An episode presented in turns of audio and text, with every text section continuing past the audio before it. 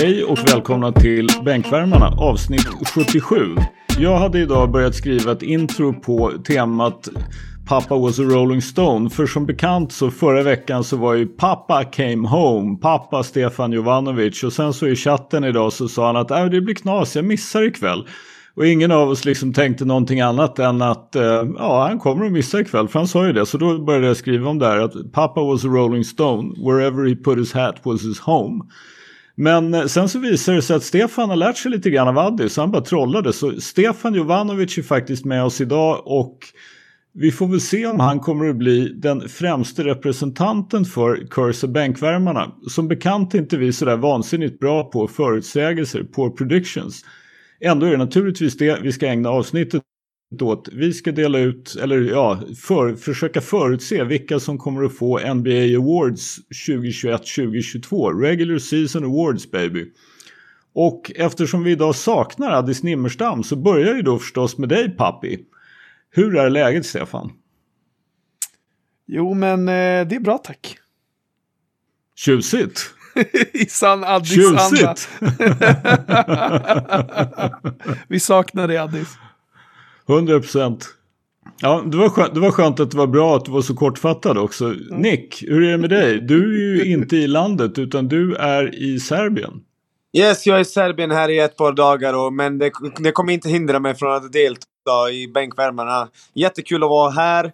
Jag, vill, eh, jag har väntat på det här i en vecka för jag vill berätta för alla våra lyssnare att Sköldström och Stefan tycker att preseason i NBA är något viktigt. Alltså vet ni hur irriterad jag blev?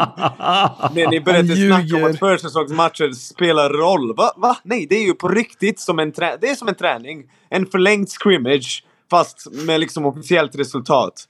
Så nej, Stefan och Sköldström. Jag bryr mig inte om Cleveland torskar en match med 40 i preseason. För det spelar ingen roll. Okej? Okay? Vi kan, vi kan ju säga så här, Bull slog ju Cleveland i natt igen, låt vara med bara en poäng, men jag har inte ens orkat höra av mig till dig för att Ingen säga någonting om det. Ingen bryr sig, tro mig. NBA-klubbar har 82 grundseriematcher. Det är den ligan i världen, kanske bortsett från baseball typ, som skiter mest i träningsmatcher. Okej, okay, era, era trollningar funkar inte. Inte i en träningsmatch. Det enda jag har sagt är att man såklart hellre vinner en träningsmatch än förlorar. Ey, På samma sätt som man citat. hellre jag, vinner jag, en match än, än förlorar en match. Det, ja, det, det, det är klart att man vill det vinna. Var, det där var det djupaste du någonsin sagt. Alltså det var så djupt när du sa ett lag vinner hellre med 40 än förlorar med 40. Alltså jag blev chockad. Det, det var verkligen inspirerande. Ja men det, ja. det är ju så. Johansson. Jag säger, inte, jag säger inte att försäsongen är superviktig. Men det är klart att man vinner hellre än torskar. Johansson, ja, ja, hur är det med dig? Vet ni vad, det är jävligt bra. Jag, jag, ska dra en liten kort historia som absolut inte har någonting med basket men som jag faktiskt Skönt. vill berätta. Berätta. Min lilla sjuåriga dotter Tove har varit livrädd för vatten redan så sent som i somras. Hon vill tvinga henne att ta simlektioner. Och de första gångerna så var det så jobbigt att se henne gråta. Konstant. Konstant under de här lektionerna. Men vet ni vad? Nu i lördags så kom hon ut så jäkla stolt. Och bara sken av stolthet och bara sa Pappa, jag kan crawla. Vet ni, det är hjärta. Alltså fy fan. Den är tung. Den är så jävligt bra. Så jag mår jävligt bra. Härligt att höra. Ska vi Hur gå mår du själv direkt... Skölden? Va? Hur mår du själv?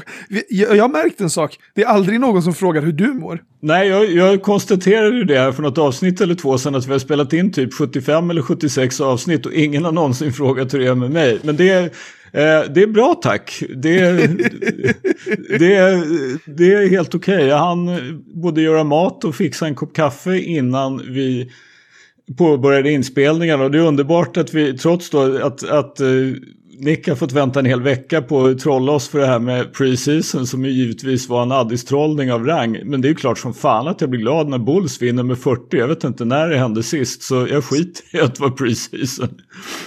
Hur som helst, eh, det känns kanske lite fel att börja med den mest intressanta, eller i alla fall det som jag tycker är mest intressant då, den mest intressanta utmärkelsen tycker jag är Regular Season MVP. Så den börjar vi inte med. Vad sägs om att börja med lite halvjum? Johansson, börja med Six Man of the Year. Okej, okay, jag, jag har eh, gjort resonemanget ganska enkelt. Det krävs ju att någon används rätt mycket. Mm. Um, men ändå inte startar. Ändå inte startar. Och det, jag tänker som, vi har ju sagt lite så här 1, 2, 3. Jag tänkte börja med den som jag tror har kommit trea då. Eller det spelar ingen roll om det är någon ranking mellan dem. Men vi har en gammal vinnare som nu har kommit till ett lag och som har revanschlust. Och det är Tress. Mm. Jag tror att han nu i Washington, han får inte starta för att starta Gafford. Men jag tror att han kommer leverera ganska stora siffror. Som tvåa, eller då i den ordningen, har jag en... För någonstans så ska det vara så här, man räknar ju lite fult så här. Så länge du startar mer från bänken än vad du gör... Alltså du startar själva matchen så räknas du som en bänklirare. Och ändå så länge du producerar. Och det finns en fantastisk jävla lirare som har en chans att få starta en massa matcher. Även om han kommer komma från bänken. Minst hälften av dem. Och det är Patty Mills. Mm. Han kommer ha en chans att kliva in i Kyries roll om det är så att Kyrie inte spelar hemmamatcher. Men samtidigt kommer från bänken kanske på alla bortamatcher. Och sen min favorit skulle jag säga för priset är eh, Derrick Rose. Eh, Oj! För jag tror att Tibbs kommer bara att köra honom. Hårt.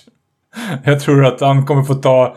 Och när det väl kommer komma ner till det så kommer tips vara tips och lita på Rose över Kemba och allting annat. Och då kommer han få skjuta precis som han har gjort. Eh, så att det är min favorit. Mm. Intressant att, eh, eh jag, jag ifrågasätter ju inte på något sätt, men intressant att du har de tre Eh, för jag, eh, jag tänkte lite på det eh, inför det här avsnittet och utan att dra för lång, alldeles för långt utlägg så hade jag Jordan Clarkson och Kevin Herder och Perry Mills i min topp tre. Ja, Clarkson är ju fullt rimlig med tanke på att han vann förra året. Så jag tänkte bara så här, jag vet inte, jag tror inte riktigt på Utah. Det, det ja, jag vet inte. Alltså, jag kan ju bara dra som hastigast förra året så var det faktiskt så att Jordan Clarkson vann då före Joe Engels. De fick totalt de två, alltså från Utah mm. båda två, fick ju 99 av 100 möjliga röster. Den enda som fick en röst som nummer ett utöver de två var Derrick Rose som kom trea. Sen kom faktiskt, vilket förbryllar mig oerhört, så kom faktiskt Montrezl Harrell på sjätte plats. Jag kan inte minnas att han gjorde ett skit som motiverade honom att vara med på den där listan överhuvudtaget. Men, men eh, vad vet jag.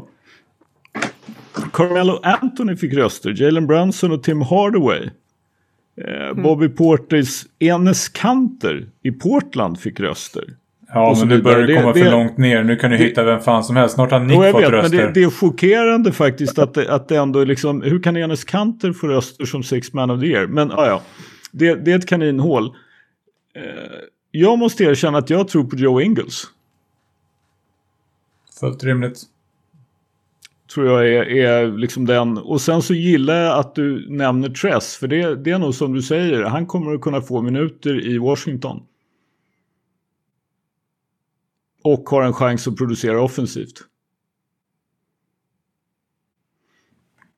Ja, skriv, skriver upp alla våra förutsägelser också Jonsson så vi kan ha lite statistik och koll på hur det går med det här. Självklart. Utmärkt. Nick, du har ju fått Most Improved Player på din lott. Vad tror du om det? Jag tror att det kommer se ut så här. Jag har kollat bettingsidor och på bettingsidorna så är den största favoriten Zion Williamson. Nej, nej, för största favoriten är Shea Gil Gilgis Alexander och då undrar jag hur fan tänker ni? Han snittar ju 23 poäng per match, vadå? Ska jag snitta typ 32 nästa säsong? Jättekonstigt. Nummer två var Zion Williams som snittar typ 26 poäng per match. Vadå, ska han ta ett jättekliv i år? Det tror jag inte. Och nummer tre var Michael Porter Jr. Helt sanslöst. Ingen av de tre har eh, liksom rätt förutsättningar för att ta det klivet. De har redan tagit det klivet. De kan ju förbättra sitt spel, de kan förbättra sin statistik. Men de kommer inte bli most improved. Så här ser min lista ut. På plats nummer tre så har jag, så har jag Darius Gar Garland. och jag vet, jag vet. Det är lite jobbigt att du nämner honom alla avsnitt. Men jag tror verkligen att den här grabben kommer att bli en eh, uh, pointguard som är till borderline all-star. Jag tror verkligen att han har den kapaciteten och jag tror det är i år det lossnar. På plats nummer två har jag Kevin Porter Jr. Jag tycker att uh, jag tycker att Kevin Porter Jr. Så är det. Han spelade i Cleveland faktiskt. Och Cleveland draftade honom trots att de visste att han är en väldigt annorlunda människa. Han har ställt till, ställt till massa problem innan, utanför planen innan han kom till NBA. Och förra säsongen kom han till hallen en dag och såg att, uh, Teron, uh, att uh, Prince, jag vet inte hur man uttalar hans förnamn, som kom från Brooklyn hade fått hans plats i omklädningsrummet. Och då blev han vansinnig och började skrika och vråla. Och då bara släppte de honom för ingenting. Så kom han till Houston och det är det som är grejen med Kane Porter Jr. Man vet att han är vidrigt skillad. Och jag tror att Houstons spel kommer baseras på att han och uh, Jalen Green turas om i anfallet, typ. Så jag tror han kommer att ha vidrigt bra stats, han kommer att ta jättekliv och att han kommer att vara tung kandidat. Och nummer ett har du Anthony Edwards. Alla spelare som vi vet... Ja. V vadå då, Stefan? ja, du, du, ja, nej, du får se... Jag tänkte alldeles för högt. du, du, lyssna på det här. Den här mannen, han har växt 5 cm den sommaren. Vilka två spelare har växt väldigt mycket efter sitt första år i NBA? Det är Giannis och Paul George. Det, jag säger inte att det är liksom eh, att det är allt, men när du har väldigt bra motorik och får några till centimeter och blir längre och större. Det, det är bra. Det är bra om du ska bli en dominant spelare i NBA. Och Anthony Davis har visat att han har atletismen och att han har skills och stjärnpotential. Och jag tror att han kommer bli stjärna. Jag är inte säker att det händer i år. Men om det händer i år så kommer han bli most improved player. Fuck Miami Heat. Jag ville bara säga det. Jag vet inte varför, men fuck Miami Heat. Vi vet ju precis varför vi ville säga det, för du tänker att Stefan ska säga att Tyler Hero är most improved player, så det, det var väl inget konstigt med det. Fast jag, jag, tror i och för sig att det här med bettingsajterna, alltså Most Improved Player, de brukar ju faktiskt kunna räkna med just det här att man, man säger att liksom det svåraste steget att ta är från typ antingen borderline All-Star eller All-Star till superstjärna. Och då är mm. väl tanken med just liksom att Zion ska visa en hel säsong, att Shea Gilgis Alexander får en chans att visa en hel säsong. Själv tror jag att han spelar i ett för pissigt lag för att det där ska hända. Alltså Oklahoma City kan ju ha faktiskt banne med historiens sämsta NBA-lag. Ja, så är det. Uh... Stefan, du ville säga något. Varsågod, träd fram. Scenen är din. Tack så mycket. Jag eh, respekterar din åsikt. Eh, Tack. Nick. Men? eh, men eh, jag, jag, jag, ska, jag, jag, jag, vill bara, jag vill bara säga mitt så att jag har det liksom eh, någonstans där ute i etern. Eh, Lonzo Ball, eh, Kyle Kuzma och Michael Porter Jr. Och ni fattar ju att jag har med Mike, eh, vad heter det, Kyle Kuzma bara för att irritera Nick. Ja, det är ja, listan. Verkligen. Alltså, det är bara galet. Om tror på det på allvar så är vi lite bekymrade faktiskt. Lonzo Ball tror jag på på allvar. Ja, men det, det, det köper jag. Det, ja. det lät i alla fall som det var lite seriöst. Mm. Nej men, eh, fan jag hade ju Michael Porter Jr som MIP förra året. Vet ni vad? Skit i Michael Porter Jr. Eh, Kyle Kuzma, Lonzo Ball och eh, Tyler Hero. Kyle Kuzma? Han är ju för fan 30 typ. Ja, nej men det, det spelar ingen roll. Faktum är att Michael Porter Jr var trea i omröstningen i fjol. Tvåa var Jeremy Grant och överlägsen etta var förstås Julius Randle. Det intressanta med Julius Randle var att han fick 98 första platsröster av 100. En andra platsröst men ingen tredje. Så det var alltså en av de här 100 som inte tyckte någonting då om, om Julius Randle. Men de 99 andra hade honom som etta och en enda då som tvåa. Och Michael Porter Jr var som sagt trea på den, här, eh, på, på den listan. Det fanns väldigt många kandidater där också så vi, jag ska inte räkna upp några fler än så. Eh, jag tror inte på Shea Gilders Alexander hur som helst och jag tror inte riktigt måste erkänna på Darius Garland. Däremot så kan jag mycket väl tänka mig Anthony Edwards. Okej, okay, då har jag inte din blessing. Det är livet. That's life. Jo, men Anthony Edwards har ju, har, har ju min blessing på. Han snittade knappt 20 i fjol och var ineffektiv. Om han kan snitta 23-24 och liksom hjälpa Minnesota att ta lite vinster och vara lite Precis. mer effektiv. Varför inte liksom? Precis. Så, Precis. Alltså även om konkurrensen förmodligen kommer att vara stiff. Mm. Johansson, har du någon synpunkt? Nej, jag tycker det är så svår kategori. Men det, det är precis som i Sixman har man någonstans de vanliga kandidaterna. Det här tycker jag bara är... Det kan bli vad fan som helst. Alltså jag ser... Jag kan se framförallt någon i de här lagen som jag tror kommer gå lite bättre. Charlotte kan det finnas någon kandidat i. Alltså mm. Rogier eller någon sån här. Alltså, mm. Men, eh, Fast ja, Roger hade ju en så pass bra säsong i fjol så ja. han får ju banna med svårt att göra den särskilt mycket bättre. Han fick faktiskt förvånansvärt få röster förra året. Han fick bara en enda tredje plats för det var en sån som jag tänkte på när de liksom pratade om det. Han var ju en stabil 20 point game scorer och avgjorde ett gäng matcher åt dem. Ja, men då säger jag, jag säger Time Lord. Oh, Time Lord, Robert Williams i Boston som fick en kontraktsförlängning. Om man kommer i tid till träning så kanske. Ja, jag vet. Det är en jävla risk. Ja, vi rullar vidare. Vi har på min lott hamnade då att ha Executive of the Year.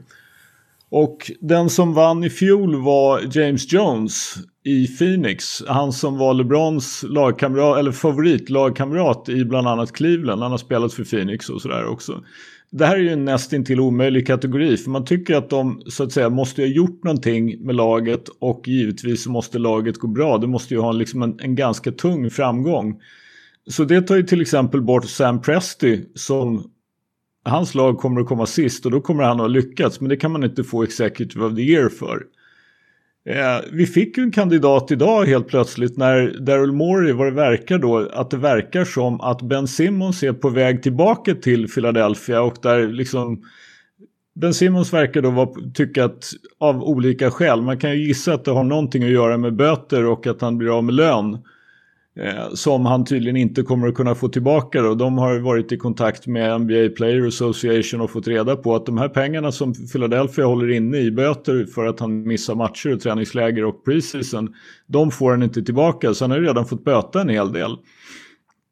Om det skulle vara så att det funkar, om de får tillbaka Simons och eller då kan trade honom för något vettigt och det går bra för Philly, då är ju Murray definitivt en, en, en kandidat den som jag tycker är frontrunner ändå med att ha en chans att få någonting och få det här är Rob Pelinka i Los Angeles Lakers. För han har faktiskt, han har bytt ut i princip hela laget.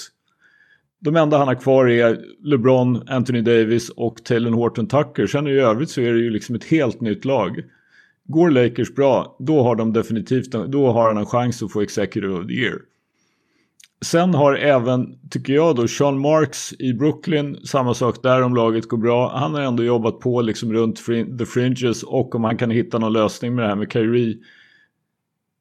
Och sen förstås, naturligtvis så är Bulls ett lag som har gjort någonting. Så där är det väl då Arturas Kanishovas eller Mark Eversley som är lagets general manager som har en chans att få det. Och that's about it. Så jag kommer att säga Pelinka. Fick han inte det typ för, för förra året? Jag tror inte att han fick det, eller fick han det? Jo, jo jag tror han fick det. Inte förra säsongen utan säsongen innan. Jag tror faktiskt att han fick det. Uh, så jag har svårt att se att han tar det ännu en gång. Men det, det är också en utmärkelse som är typ omöjlig att... Alltså, det kan ju gå precis hur som helst. Så... Mm, vi får se. Absolut. Stefan, du, yes. vår draftguru, har ju förstås fått på din lott att ta Rookie of the Year. Vad har du där?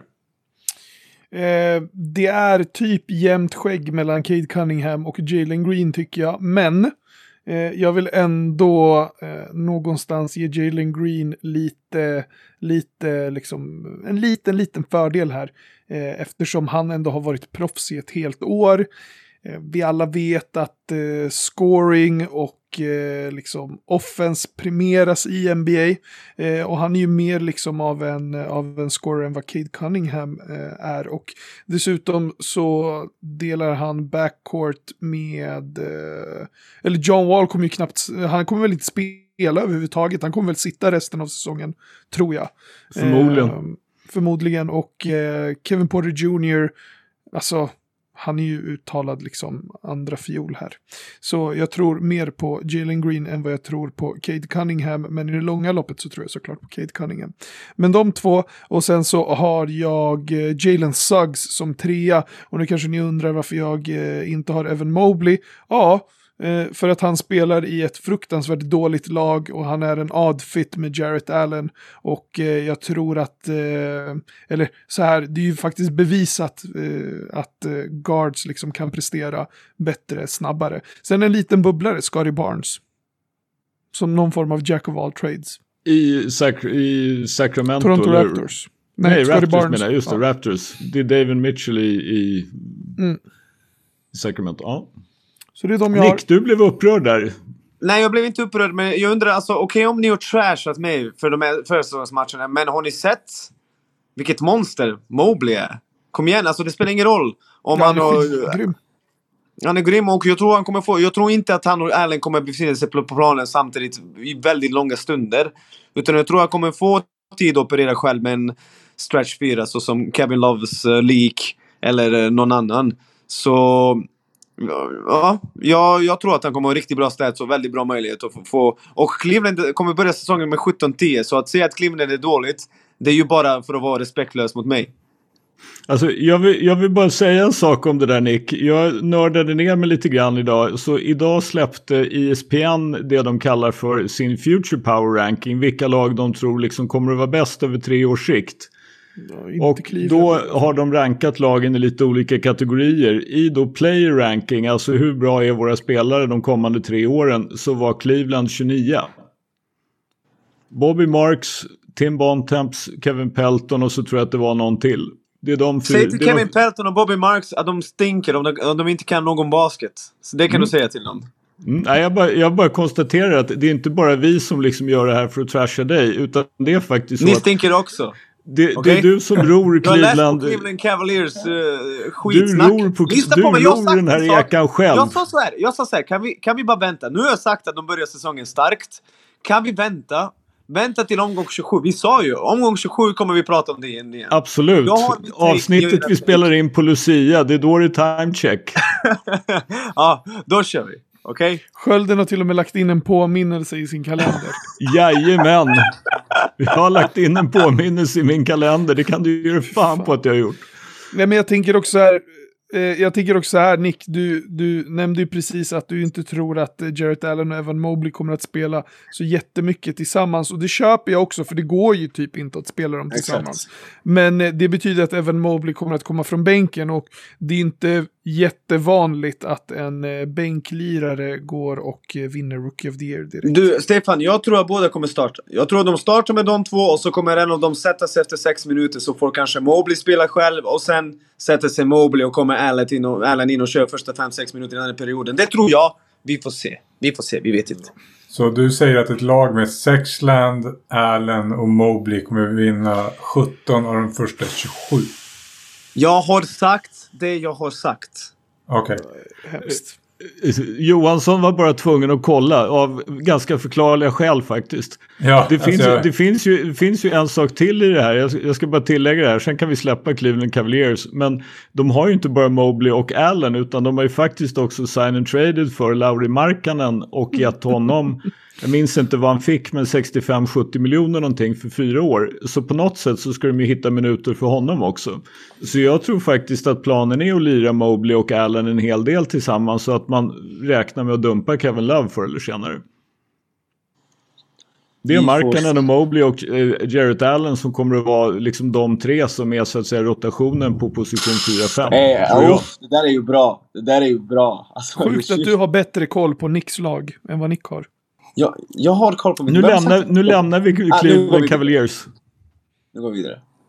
Tycker jag. Det, vi återkommer till dem om inte annat vid Lucia. Kanske tidigare, men senast Lucia hur som helst. Eh, Johansson, du har ju självklart fått Coach of the Year på din lott. Vad säger du om den kategorin? Ja, jag, jag har gått efter egentligen då. Det är ju... Alltså, normalt sett får man det antingen om man typ vinner grundserien eller om laget har överpresterat något fruktansvärt. Och jag ser för många lag som är så här ett frågetecken. Och har valt lite chockerande. Som nummer tre. Så har jag valt Coach Bud. Ooh! Eh, med, med motiveringen att jag tror att Milwaukee Bucks ändå med Janis just nu kommer, kommer rulla i säsongsinledningen och bara vinna en jävla massa matcher. Mm. Eh, rent sagt. Alltså jag tror att de har en jättechans att vinna East och hela NBA i grundserien. Eh, som nummer två har jag en bubblare bara för jag tror att det här är ett lag som kommer faktiskt gå bättre än vad, vad eh, jag vet inte med konsensus. Men jag tror att de här kommer faktiskt göra någonting positivt och det är James Borrego. Från Charlotte, Charlotte Hornets. Mm, mm. Och den sista som jag tror är som eh, där narrativet kommer styras av att Kyrie Irving kommer vara borta men de vinner ändå grundserien och NBA-grundserien. Så är det Steve Nash. Jag tror han är favorit. Jag är lite, lite förvånad Johansson. Ja. Att du inte tar Peter Ökvist. Jo, de har gjort en jävla comeback. wah, wah, wah, wah. Hur mycket ligger de under kommer. To be continued som sagt. Hur mycket ligger, under, ligger Luleå under med nu? Nej, de har gjort en Nej, comeback. Nej, Luleå kom tillbaka. Nu är, nu är det bara fem poäng. Nu är det bara fem poäng. Vi har match. Match. match. Ja. ja. Var det någonting jag lärde mig under mina år i Jämtland så är det någonting som kallas hedersam förlust. Alltså du har verkligen sålt din själ, din dignitet, allting till Jämtland. Det är faktiskt helt sjukt. Mest alltså. min lever. Lever, ja.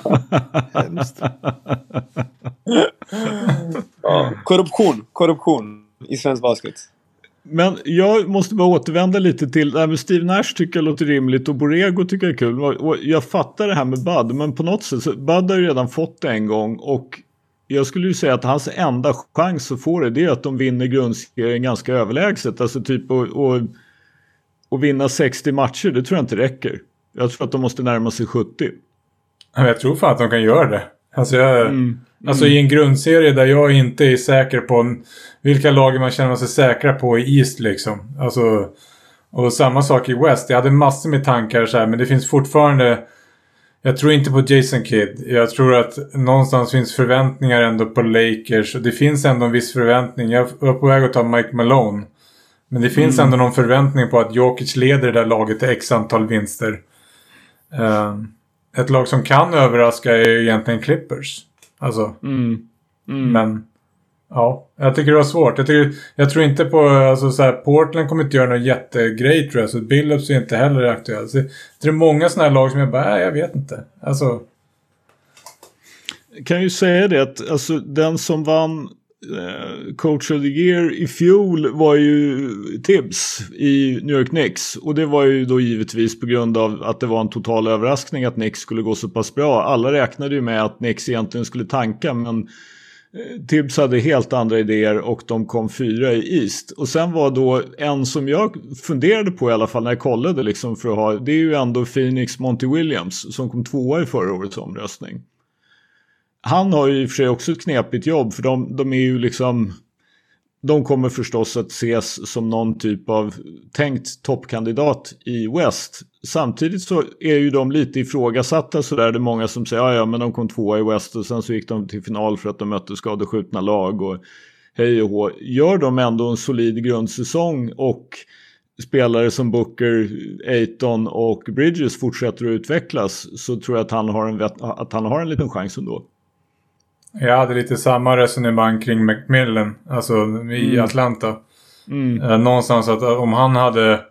Han har ju fått dem att spela bra, men någonstans tror jag förväntningarna finns just nu på att de ska vara bra, som att de nådde en conference finals. Mm. Och jag mm. tror att förväntningarna måste vara lägre, antingen det eller så måste du vinna grundserien. Mm. mm. Ja, som sagt, svår kategori. Ska vi gå vidare? Vi sparar MVP till sist Nick, för det känns som att det, det är ju lämpligt. Eh, Defensive Player of the Year. Där har ju Rudy Gobert vunnit, vill jag minnas, tre år i rad. Han vann i alla fall i fjol. Jag för mig att det är tre år i rad. Och Felaktigt han... vann tre år i rad. Ja, jo, men, hur som haver så har han faktiskt vunnit det. det. Det kan man tycka är felaktigt men man kan inte ta ifrån honom det. Och tvåa i förra årets omröstning var Ben Simmons och trea var Draymond Green. Sen kom Jannis och som en liten skräll då så kom ju så småningom även Drew Holiday. Men topp sju så var ju fem centrar eller Jannis eller Ben Simmons. Du vinner alltså ingen Defensive Player of the Year om du är en guard. Ändå så måste jag säga att jag tycker ju fan i mig att det skulle vara ganska intressant att uppmärksamma Drew Holiday. Eh, jag tror inte att han kommer att få det, men jag kommer att ha honom som topp tre. Och sen så tror jag ju faktiskt att det är inte svårare så än att Jannis, får tillbaka, Jannis kommer tillbaka som en toppkandidat. Och sen så kommer förmodligen även Gobert att vara med som en toppkandidat. Och så Draymond Green som outsider. Kanske att Bam skulle kunna liksom närma sig om, om Miami Heat går som fan och Bam har en fantastisk säsong. Men jag ser inte någon annan för Joel Embiid kommer att missa för många matcher som vanligt. Låt mig, låt mig säga en gång till. Rudy Gobert, fantastisk försvarare, men han hanterar inte dåliga matchups. Den spelaren, när han får en dålig matchup på sig, kan bli terroriserad. Och jag tycker inte att spelare som kan bli terroriserade, även om, om det handlar om väldigt få spelare som kan utnyttja liksom, uh, det övertaget de har mot Gobert, även fast det är väldigt få, kanske 5, 6, 7, 10, så tycker jag inte att en sån spelare förtjänar utmärkelsen. Och, och jag håller med dig helt Skölden. Det är dags att ge den till Drew Holiday. Han kommer aldrig någonsin att ha advanced stats som Rudy Gobert för att han inte är en center. Men han har visat år efter år efter år att, att han är game changer defensivt ute på perimetern. Han kan bromsa ner nästan alla NBA-spelare och han förtjänar utmärkelsen. Bra kallat. Men jag måste bara återvända till det här med Rudy Gobert. Alltså, man måste ju ha klart för sig ändå att Defensive Player of the Year är en grundserieutmärkelse. Så att han då har haft problem i slutspelet några gånger eh, är ju en sak. Jokic, men... Jokic skiter på honom varje jo, gång men de Får jag prata till punkt Nick? Det är ändå så att alltså förra årets the best defense in the regular season 2020-2021 var Utah Jazz. Ja, och jag det förstår. Är Rudy Gobert som styr det. De har, alltså utöver Rudy Gobert har de ju faktiskt ingen bra individuell försvarare utom Royce O'Neill. Resten är ganska dåliga. Och, och jag ändå, ser till det... Okej. Okay. Förlåt, och, och förlåt. därför menar jag att det är, det, jag förstår din kritik men jag tycker att den är felriktad eftersom det är en grundserieutmärkelse. Och jag har sett honom i grundserien förra året. Vissa spelare, han klarar inte av att hålla dem framför sig. Eller inte framför sig, de bara gör poäng med honom gång på gång på gång. De är inte många. Det är väldigt få spelare som kan göra det mot honom, men när de väl gör det, han kan inte göra någonting. Alltså han, han kan inte... Och, och liksom... Om vi tänker på spelare som har fått utmärkelse många gånger, Dikembe Mutombo, eh, eller Ben Wallace, eller fan till och med Dwight Howard när han var i sin prime. Det var nog ingen som kunde terrorisera honom i långa stunder. Det är bara det jag ville säga. Nu får någon annan prata tydligen ingen som har något intresse av det. Jag, Nej. Utan vi, vi går vidare då och avslutar awards-segmentet med MVP. Skölden, du skrev till mig att du ska tänka på vilka som kommer att vinna MVP. Jag fick tre spelare upp i huvudet direkt. Det var glasklart. Det var ingenting att snacka om. Jag fick tre spelare och det tog faktiskt, jag driver inte 15 sekunder för mig att göra den här listan. Så på plats nummer tre har vi Damian Lillard. Damian Lillard, han är i en situation nu där han får en ny tränare. Och han är i en situation där många förväntar sig att han kommer begära en trade och dra från Portland. Och vi vet att Portland har varit ett lag som inte har haft uh, stor lycka i slutspelet bortsett från 2019. När de gick till Conference Finals. Men jag hoppas att de kan vara skadefria i år. Att Nurkic kan spela hela säsongen, McCollum. För ni vet ni vad? Jag tror faktiskt att Portland, om alla är friska, att de kan komma upp till 53-54 grundseriesegrar. Jag tror verkligen det. Om de skulle ha hela laget över en hel säsong för en gångs skull så skulle de kunna... Och det räcker faktiskt för att Dame Lillard ska bli en legit MVP-kandidat och jag tror faktiskt att han kommer få, att han kommer vara jättestor kandidat. För att nu har han liksom ganska mycket att bevisa. Det är många som har räknat bort, räknat ut eh, Portland just för att det ryktas om att han kanske kan tänka sig att spela någon annanstans. Men kommer komma tillbaka starkare än någonsin. Har fantastiska siffror. Han är en, en enastående spelare. Och han kommer vara riktigt bra i år. På plats nummer om, två har vi Joel om ni, om ni råkar höra lite avgassmällar och en motor som liksom låter lite konstigt och sådär så bryr er inte om det. Det är bara Dane Trabanten som har lite problem. Fortsätt Nick. Dame Trabanten finns inte. Dame Bugattin kanske. Uh, nu på plats nummer två har vi Joel Embiid. Det är ett perfekt läge för honom att vinna MVP för att förra säsongen fanns det många experter som verkligen ville ge Joel Embiid MVP. Alltså de försökte och försökte skapa ett narrativ att det inte spelar någon roll hur många matcher du missar. Så länge du är bäst de matcher du spelar så ska du få MVP. Jag säger bullshit på den. Jag säger att missar du var typ tredje, fjärde match som Joel Embiid gjorde förra säsongen, ska det... Nej! Du kan inte få det. Punkt slut. Nu är han i en situation där många tror att Philadelphia kommer gå ner sig. Ben Simmons kommer att tradas bort. Jag vet att han... Eh, nu riktas det om att han ändå kanske kommer att spela matcher. Men han kommer tradas bort. Låga förväntningar. Om han håller sig skadefri, nu är vi där igen. Om han håller sig skadefri. Och han behöver inte spela bättre än vad han gjorde förra säsongen. Bara spela på samma nivå som han gjorde förra säsongen. Då kommer han bli MVP. Och på plats nummer ett har vi Luka Doncic. Luka Doncic, alltså det, det är sjuka är det, den här mannen, han bestämmer om han kommer bli MVP. Om han är i form och engagerad och kör all in i hela säsongen och klarar av att göra det, då kommer han bli MVP. Så bra är den mannen. Alltså, nyss såg jag en highlight-klipp där han gör mål med sin axel. Han studsar i bollen med sin axel. Alltså, det där är inte något du lär dig. Han har bara den talangen. Den där mannen är född för att spela basket.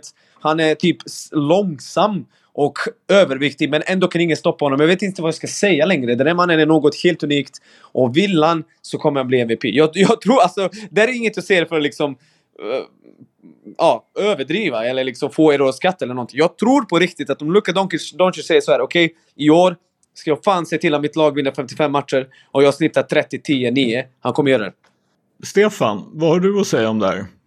Nej, jag sitter mestadels bara och väntar på att Nick ska säga att KD blir MVP. Nej, nej, nej, nej, nej, det kommer inte hända. Det kommer inte hända. Ja, nej, jag, har, eh, jag, har ingen, eh, jag har ingen åsikt i det. Eh, nej, jag har faktiskt inte det.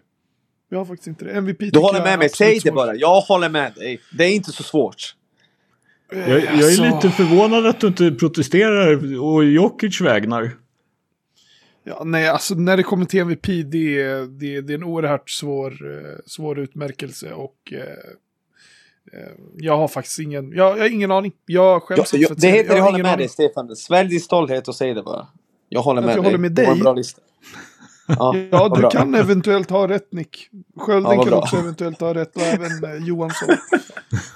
det enda jag vet är att jag alltid har fel så jag, jag, jag har ingen åsikt om det här. Johansson, vad säger du om, om Nicks MVP-resonemang?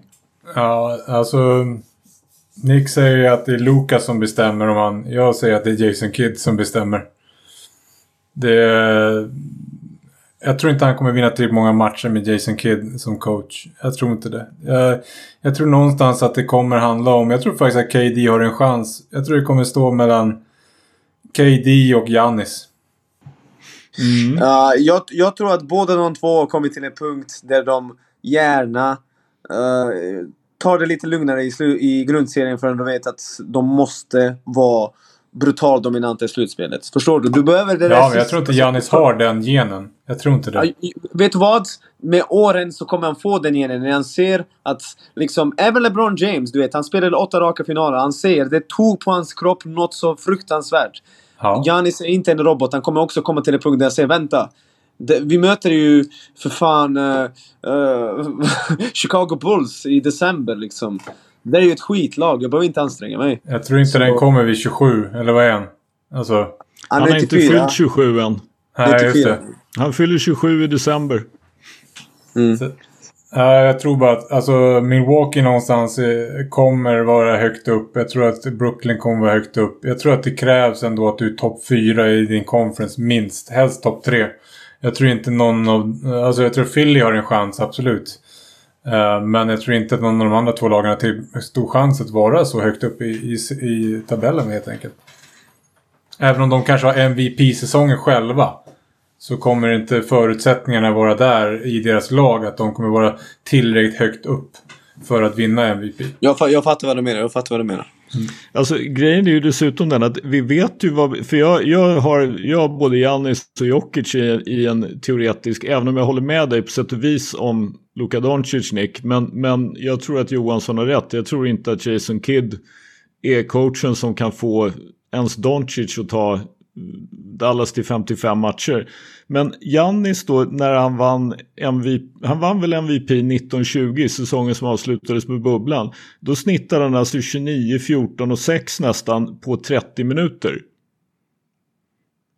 Alltså han, jag är rätt övertygad om att en 27-årig Jannis fixar att spela 30 minuter och komma upp med någonstans i härden liknande siffror. Och då om Bucks liksom är som Johansson och även jag tror ett eller tvåa i East och Dallas är sexa i West och ja, en bid har missat 20 matcher. Ja, du, hör, du förstår, liksom, då ligger Jannis väldigt bra till. Men, men jag har en fråga till er. Tror ni att Dame, låt oss säga att han har eh, samma säsong som förra säsongen när det kommer till stats. Tror ni att det räcker att bli MVP med 53-54 vinster? Nej. Okej. Nej. Okej. Okay. För det är en femte, sjätte plats. Mm, det kan nog i och för sig räcka till lite mer, men jag, tr jag tror fortfarande att alltså, för där är det ju också så om du tycker att Kevin Durant och, och Giannis ska ta det lugnt. Hur är det då med, med Dame? Han är ju faktiskt äldst av dem allihop. Nej, Dame ja. Dalla, Dame Bugattin, den, den uh, kör bara 200 km i timmen, okej? Okay? Dame Bugattin, den, uh, den känner inte till något annat. Såg du hur bra han var i din favoritfilm förresten? Uh, ja, ja, no comments. No comments. Ja, ja, jag bara undrar. Just checking. Jag vill inte... I plead the fifth. Hur som helst, nu har ni fått höra våra award picks.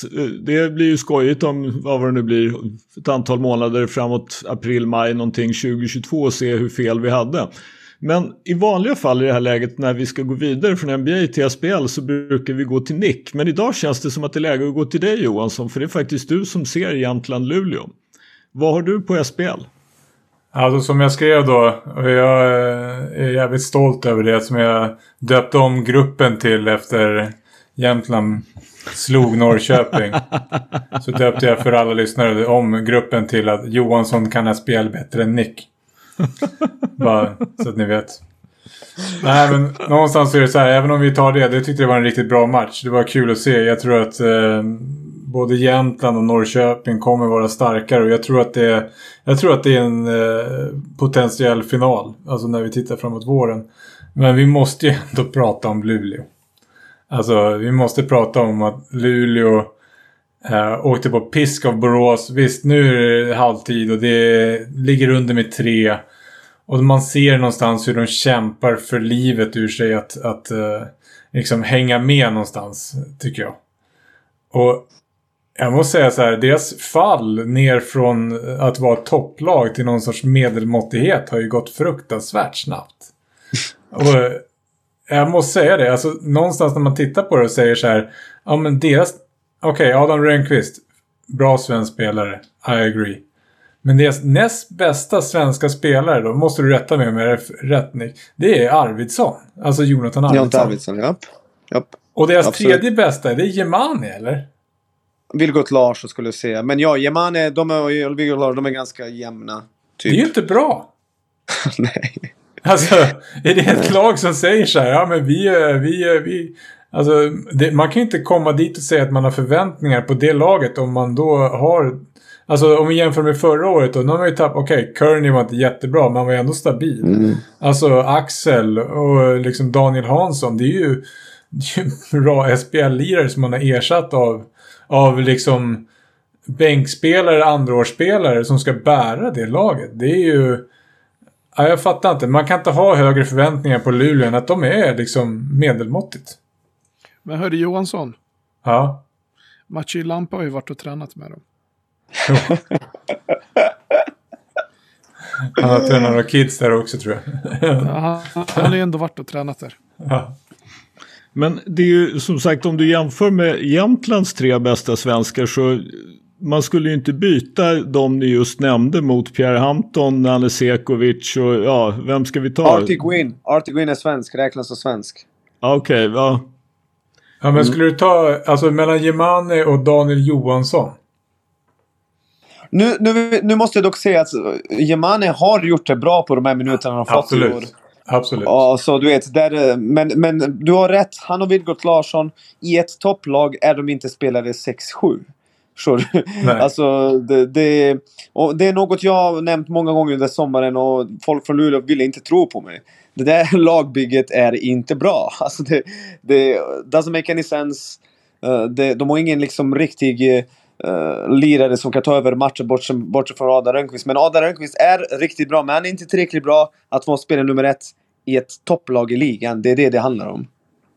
Nej, och du måste ju träffa något fruktansvärt rätt på importerna om du ska ha en chans att vara topp top 5 med det andra materialet. Och, Luleå scouting har varit bedrövligt dåligt sedan 2016. Alltså jag, den listan på misslyckade importer är otrolig. Men ja, fortsätt. Ja, och det... Alltså jag, ja, jag vet inte. Jag tycker att det, det blir bara intressant då när man ska då förvänta sig att Luleå då... Att man förväntar sig med den här kulturen. Så tror man automatiskt att bara man ska ställa in skorna och vara bra. Så, nej, jag vet inte. Jag, jag tycker att man, man måste sänka förväntningarna ganska rejält. Och speciellt så tycker jag så här. Och vi pratade om det lite innan. Jag skrev det lite på Twitter. Så här, om man inte svarar i en sån här match. Som det är nu, Jämtland-Luleå. De startar ju helt kast. Om man inte startar, då finns inte det där i laget. Alltså då finns inte det där. Alltså har man åkt på en käftsmäll och man inte reser på sig. Då finns det liksom inte den känslan eller den goet i laget. Och då krävs det förändringar. Och sen vad de förändringarna är, det vet inte jag. Nej, det, det, den här säsongen kommer att handla om att uh, nu, alltså, jag har aldrig sett ett lag kämpa för sitt liv så här tidigt på säsongen. Men de gör det just nu och det är därför det är så stelt. Jag tycker ändå spelar okej okay idag faktiskt. Nu, du tittar ju på matchen också Johansson, de har skjutit så många airballs. Det är ju spänt, alltså, det är, de, är, de är väldigt stressade. De vill ju verkligen vinna den här matchen och nu har de kämpat sig tillbaka. Men den här säsongen, otroligt nog, Luleå kommer handla om att inte vara i botten av tabellen, inte bli sjua. Och liksom bara rädda säsongen på vilket sätt de nu vet. Och sen överleva det här året och sen göra riktiga förändringar. För det spelar ingen roll om de skickar hem Jenkins och tar in en ny import. Det kommer inte göra dem till något guldlag. Utan det behövs städa, städa, alltså helt, uh, uh, ja, total städning och så börja om. Börja om. Spräng skiten. Spräng, Spräng skiten. Ja, tack, tack. Det var uttrycket jag... Spräng skiten och starta om. Fan vad skönt. Äntligen spränger vi igen. Ja. Vad en sån sak. Vi behövde att du var tillbaka, Stefan. Ja, spräng skiten. Fuck Luleå. Vi måste spränga skit. Men Johansson, har du några andra tankar? För du såg ju matchen mellan Uppsala och Vätterbygden uh, i SBL Dam. Har du några tankar om den matchen? Jag såg ju första kvarten typ. Alltså det kändes ju som, det känns som att Uppsala någonstans har högre förväntningar på sig själva. De vill ju ta steg framåt och så vidare.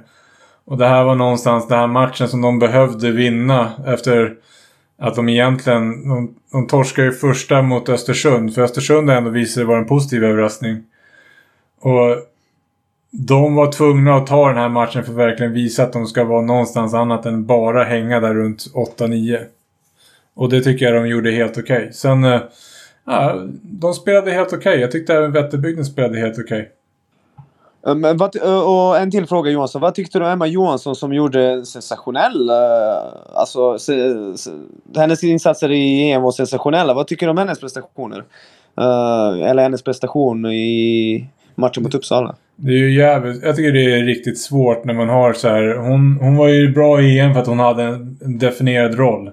Precis. Alltså hon gjorde det enkla, gjorde det lätta och då ska hon plötsligt kanske vara lite mer av en stjärna i liksom... I dag, och det, det funkar inte. Alltså vissa är Vissa är bara den där... Ja men hon är en perfekt fjärde, tredje spelare, skitspelare. Skulle passa perfekt i många andra A3 eller Luleå. Liksom vara den rollen. Men hon ska absolut inte vara den som bär ett, ett uh, mellan eller, eller ett mindre bra lag till några framgångar. Det, ja, det, det är det inte hon skillad för.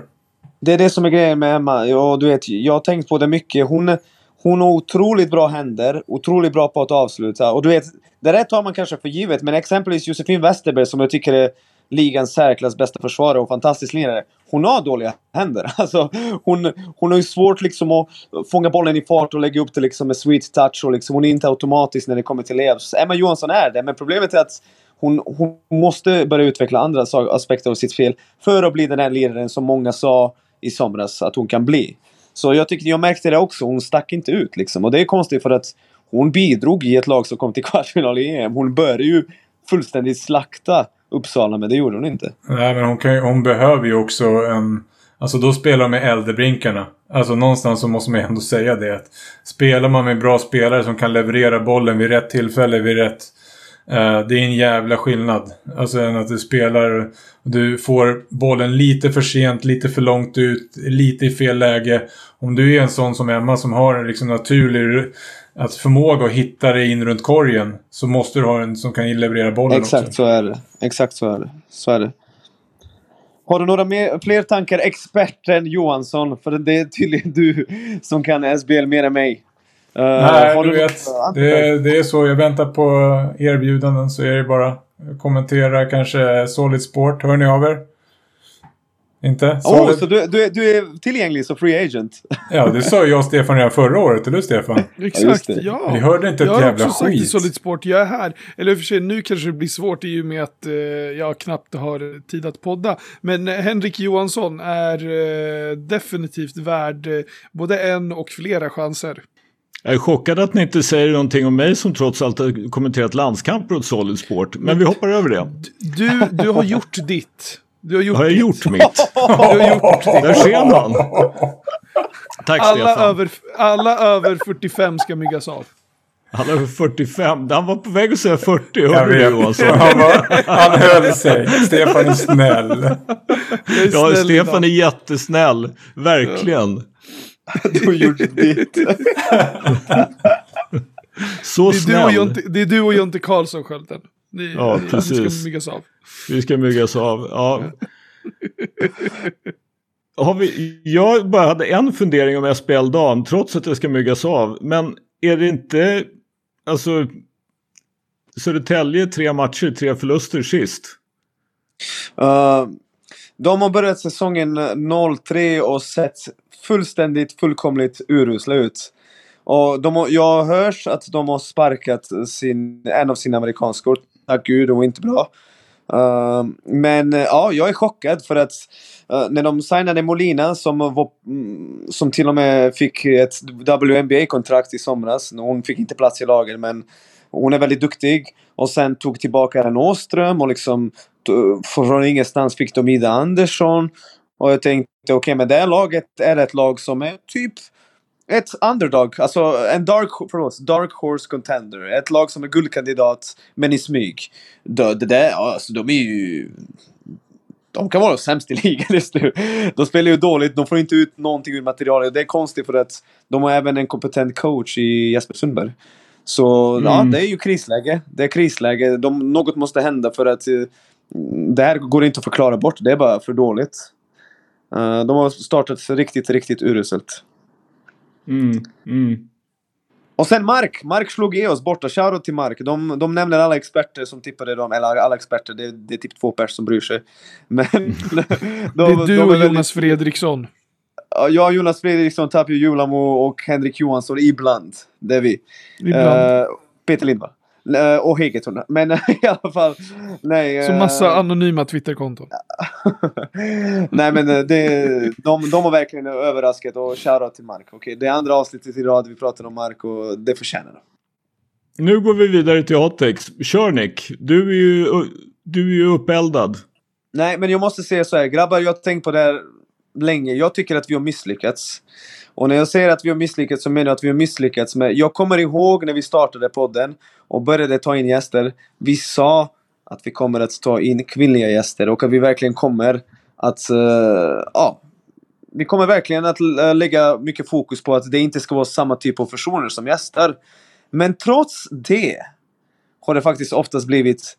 Och jag har inget emot vita män. jag är en vit man. Men det har oftast varit vita män som har gästat. Och jag är väldigt tacksam för alla av de här vita män som har gästat. Jag älskar dem allihopa. Jag tycker att alla har gjort ett jättebra jobb. Det handlar inte om det. Men vi har bara haft en kvinnlig gästare och vi har haft den här podden i ett och ett halvt år. Och ibland måste man ta en titt i spegeln. Och där tycker jag faktiskt att vi har varit riktigt jävla dåliga. Så det är lite självkritik riktad mot oss alla.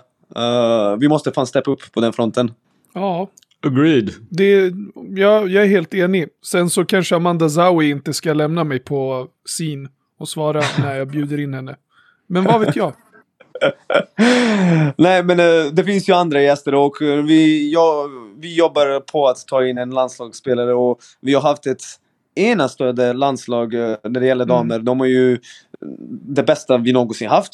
Både när det gäller killar och herrar. De här framgångarna, jag menar tre gånger i kvartsfinal på åtta år, det är ju sensationellt. Det är spektakulärt. Det är något att vara stolt över. Och de här lirarna ska få höras och synas och vi ska ge dem plattform och vi måste bara bli bättre. Punkt slut. Plus att de ju faktiskt spelar i, alltså i riktigt bra klubblag i Europa. Verkligen. Det är förstå, det är... förstå drömmen att få Céline Dimerck. Vet du vad, jag ska särskilt, DMa Särskilt för alla oss som pratar bra franska. Om, om, om Céline Dimerck gästar podden innan Amanda Zawi. Då kommer jag... Då kommer jag då, då, då, då, kommer jag ta en ytterligare semester på, på sex veckor. nu, nu ska jag DMa Celine Dimerck. Jag ska se vem, vem hon följer. Hon följer Kalis Lloyd. Jag ska fråga Kalis Lloyd om hon kan DMa Celine Dimerck och fråga henne om hon vill gästa bänken. det hade varit sjukt alltså. Vi, vi ska jobba in Celine Dimerck. Ja, Skölden kommer ju tappa. tappa Han blev jävligt tyst Skölden nu i alla fall. jag skrattar. jag, skulle, jag skulle bli starstruck. Jag skulle definitivt bli starstruck. Faktum är att hon spelar ju fortfarande som jag har fattat det hela 39 år gammal. Eller 39 år ung då, hon har inte ens fyllt 40. Sjukt ung. Ja, det är bra ålder. Shit, bra nästan ålder. lika gammal som Henrik Johansson. Ja, jävla bra ålder. Sjukt. In their prime. Ja, nej men okej. Så Lindemark, har vi, har vi någon idé om eh, vilka fler eh, gäster vi skulle kunna ha? Kan väl, eh, kan inte våra lyssnare skicka lite förslag? Mm. Mm, det skulle vi kunna göra, absolut. Ska vi, ska vi bara dra ut en tweet? Vilka kvinnor vill ni gästar eh, bänken? Det kör vi. Stefan, med, medan du sitter och försöker få till det med Céline Dumerc, jag förstår att du är väldigt sugen på det, så kan jag ta en hot take då under tiden. så kan du fortsätta att knappa på telefonen. Och göra det som vänta ni vänta nu, kom ihåg nu. Stefan, inte via bänkvärmarnas Instagram. det är bara Nick. Nej, ursäkta. Nej, ja, det är bara Nick som... Okej, okay, vi går vidare. Sorry Skölden. Det där är bara skitsnack. Det, där är bara skitsnack. Det är ju faktiskt så att förra veckan så pratade vi om att eh, man nu har utsett ett förbundscoach, förbundscoach-team för damlandslaget. Eh, det hade vi vissa synpunkter på. Nu har det gått en vecka. Vi har inte fått se motsvarande för herrlandslaget. Vi har heller inte fått höra någonting om en sportchef. Och jag måste erkänna att jag, alltså det här är en otroligt viktig och strategisk position. Liksom att få till en sportchef, det som förut var landslagschef, någon som ska vara med och utveckla svensk basket och på något sätt vara en inspiratör och en ledare, ha kontakt med både spelare och ledare och alla liksom styrelseledamöter och ordföringar och allt vad det nu månde vara för någonting. Och se till att skapa så mycket entusiasm som möjligt för den sportsliga verksamheten i klubbar och landslag. Det är faktiskt så att Svenska Basketbollförbundet i princip har haft den här posten ledig sedan Fredrik Jolamo tog över. Man började ju prata om att man sökte en ersättare för sportchefsposten för det är nästan ett år sedan. Och vi har heller inte då fått till ett förbundscoachteam, som i alla fall inget som har kunnat offentliggöras. Vi spelar VM-kvalmatch mot Finland om ungefär sex veckor i Globen. Eh, jag, jag, förstår att det inte är alldeles okomplicerat och att det här är en väldigt, väldigt viktig position och att det kanske inte dräller av kandidater som liksom klickar alla boxar. Men ska vi verkligen spela ett VM-kval mot Finland med ett förbundscoachteam som inte är offentliggjort sex veckor före och som kommer att få svårt på grund av att de sannolikt har andra heltidsuppdrag att sköta det här uppdraget med att scouta alla andra motståndare och ha kontakt med spelare, och förbereda spelare och få ihop en idé om vad ska vi göra med det lag vi får ihop när vi ska möta Finland. Alltså det, jag tycker faktiskt att det här är, för att uttrycka mig milt, väldigt, väldigt bekymmersamt. Mm, jag håller med dig. Jag håller med dig. Det, det finns ingenting. Och jag ser det igen. Jag, tror, jag tycker verkligen att vi har varit väldigt objektiva och rimliga i vår eh, kritik eh, mot förbundet. Och vi vet att allting inte är förbundets fel. Jag tycker att de får för mycket kritik ibland. Det här går inte att förklara bort. Det, jag håller med dig till 100 procent, Det, det är inte optimalt och det är inte något... Eh, Eh, det, det är inte något uh, positivt alls. Alltså just nu så känns det ju bara rent så här utifrån. Alltså rent utifrån känns det som att... Alltså de... De måste ju ha frågat folk. Alltså under ett år för att vara den här sportchefstjänsten. De måste ju ha frågat folk och många... Alltså de måste ju vara någonstans nere i att alltså, sjukt många har tackat nej. Alltså... Eller? Det, det, det känns ju bara som att om du vet en kandidat eller vet någon som är bra eller du vet någon som är lämplig. Men till slut om det inte är tillräckligt många som har sökt, ja men då går du och jagar. Mm. Och om du går och jagar och ställer frågan då, ja men då kanske du efter ett år, hur långt ner är du på din ranking då? alltså rent krasst. Men, men Johansson, tror du verkligen att många inom svensk basket tackar nej till det här jobbet? Det där är ju väl något som folk, det där är ju, ja, att kröna, att kröna, att kröna sin egen karriär. Det är ju alltså, vad kan du som basketmänniska få som är större liksom? Okej, okay, om jag säger tvärtom då. då. Då säger jag så här. Om det är så att ingen av de människorna som skulle få frågan skulle tacka nej. Eller väldigt få av dem skulle få. Då jobbar förbundet inte tillräckligt hårt på det. För då har de inte ställt frågan. Efter ett år. Alltså så är det ju. Så det är antingen eller. Antingen har vi inte till bra kandidater som är villiga eller så har ju förbundet inte jobbat hårt. Antingen eller. Ja, det, är ju, det, är ju, det är ju precis så det är. För som sagt, det här, det här är ju någonting som man ändå måste ägna en viss eftertanke. Inte minst då Fredrik Jolamo som har varit landslagschef och nu generalsekreterare han förstår ju förstås eftersom han har haft jobbet själv att liksom det är klart att det här är en viktig post och att det här är liksom att och det är viktigt att få rätt person. Därför tycker jag, har jag liksom fram till för inte så länge sedan inte tyckt det varit jättekonstigt att eh, vi inte har fått dit en sportchef. Men nu när det, här gått, när det har gått så pass lång tid och Alltså när hade, när hade vi senast någon landslagsverksamhet? Alltså det, det är faktiskt ett tag sedan. Och då, då, innebär det att, ja men okej, nu har vi då kanske liksom väntat ut att Marco Crespi och eh, Hugo Lopez ska så att säga vara klara med sina med matcherna och allt vad det är. Men förbundet måste ju naturligtvis jobba under tiden och smida planer för liksom ett, vem vill vi ha? Och då har man förstås börjat med att ta fram någon form av profil. Den profilen är man ju färdig med för länge sedan och då måste man när man har tagit fram en profil, ja men då föreslår man namn. Och det kan bara inte vara så att vi har ett sportutskott på sex personer som har gjort det här jobbet men inte kommit fram till något namn. Så jag tror ju att det är som du säger Johansson, det måste nästan vara det, att folk har tackat nej. Det är det enda rimliga som känns. Jag kan inte tänka mig att förbundet har varit så saktfärdigt. Det är klart som fan att Fredrik Jolamo förstår att det är värdelöst att inte ha en sportchef sex veckor innan vi ska spela ett VM-kval i Globen mot Finland. Mm. Så är det. Jag håller med dig helt. Mm. Stefan? Um, fan, vilket jävla, vilken jävla lång hottik hottik. Fan, ska ni diskutera Men det är därför du får ta en kort. Okej, okay. eh, Los Angeles Lakers kommer inte spela final i år. Russell Westbrook kommer att sänka det där bygget. Tack eh, för oss. Eh, ni har lyssnat på bänken. Hej då! Du har precis lyssnat på det 77 avsnittet av Bänkvärmarna! Henrik Sköldström, Henrik Johansson, Nikita Serraj, Stefan Jovanovic, inte Addis Nimmerstam. Följ oss, lyssna på oss och så vidare. Puss! Och glöm för fan inte att bänken aldrig ljuger. Det, det, det du sa är en fucking fakta. Det är ingen hot take. Ja, hej då. Hallå? Hallå? Nu. Nu är jag här. Jag har förlorat mig i dig. Dags att ge upp igen. Det är dags att ge upp igen.